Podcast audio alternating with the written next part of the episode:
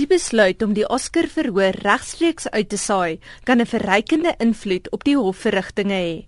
So sê 'n professor in strafreg by Wits Universiteit, Steven Tassen. Volgens hom is dit 'n algemene reël in die praktyk dat getuies nie mekaar se getuienis mag hoor voordat hulle self getuig het nie. The decision to allow a audio broadcast of these witnesses is interesting because it will, you know, the prosecution's case will be open to that criticism that the second and third witnesses have heard or had the benefit or the possible benefit of hearing the evidence of the first witnesses and they may well be guilty of tailoring the evidence.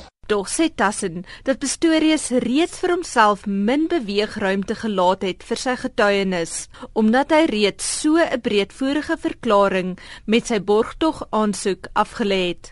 Tassen sê Pistorius het die volledige verklaring afgelê omdat hy wou bewys dat dit 'n skedule 5 oortreding is en nie 'n skedule 6 oortreding nie, soos die staat hom aangekla het. And so to demonstrate the prosecution has charged him with the incorrect schedule, he has to give factual evidence as to what happened that night to persuade the court, no, this is not a Schedule 6, this is a Schedule 5 offence. And then the burden of proof will be much easier for him.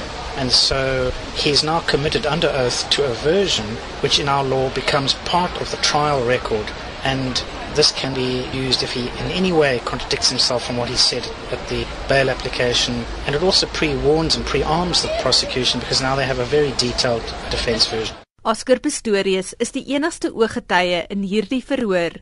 Daarom, as hy getuig, sal hy eers in die getuiebank moet inskuif sodat hy nie sy getuienis na aanleiding van die van ander getuies kan aanpas nie.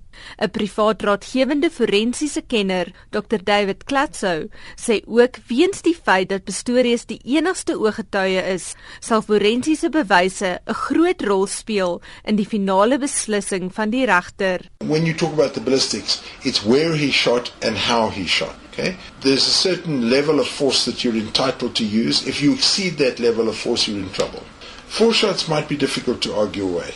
If you approach the scene of danger as opposed to moving further away from the scene of danger, that is also something that you might have difficulty explaining. I, I'm waiting to see what his explanation is. Klatso was 'n raadgewer in die Ingelots verhoor waar forensiese getuienis uiteindelik daartoe gelei het dat Fred van der Vyver vrygespreek is.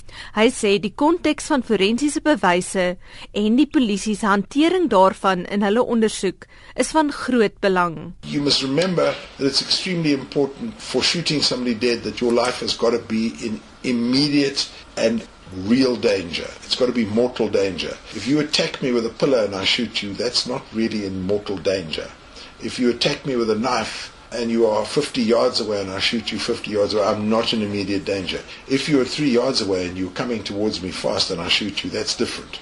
So the context of the shooting has got to be seen. The context of shooting behind a closed door has got to be evaluated. 'n Forensiese antropoloog by Wits, Dr Patrick Randolph Koenie, sê die verhoor plaas die Suid-Afrikaanse strafreg en forensiese wetenskap onder die vergrootglas. Given all the limitations that we've got in this country in terms of how the police operate, their funding, their training, etc., there are inherent problems in how evidence is collected and how it's interpreted. And the media will play a significant part in effectively keeping the process honest, in helping to understand where the flaws are in the system. Most of the major miscarriages of justice that have happened over the last 10, 20 years, not just here but in Europe and North America, it's very often journalists who are the ones who keep on digging, who say, no, that evidence doesn't say what you think it is. There's something wrong with that. Daarom sê hy dat joernaliste 'n belangrike rol speel om die regstelsel op sy tone te hou. Hy verwys na die bekende Amerikaanse O.J. Simpson saak en sê dis belangrik dat dieselfde foute nie herhaal word nie. It's to essentially prevent, prevent it becoming trial by media for a start, but also in terms of, you know, this trial and the fact that portions of it are going to be filmed does help to dispel some of the notions of the criminal justice system that people actually get to see how justice operates, why it operates, and why the conclusions are drawn that courts come up with. Dr Patrick Randolph Koenie, 'n forensiese antropoloog by Wits Universiteit, en ek is Anne Marie Jansen van Vuren in Johannesburg.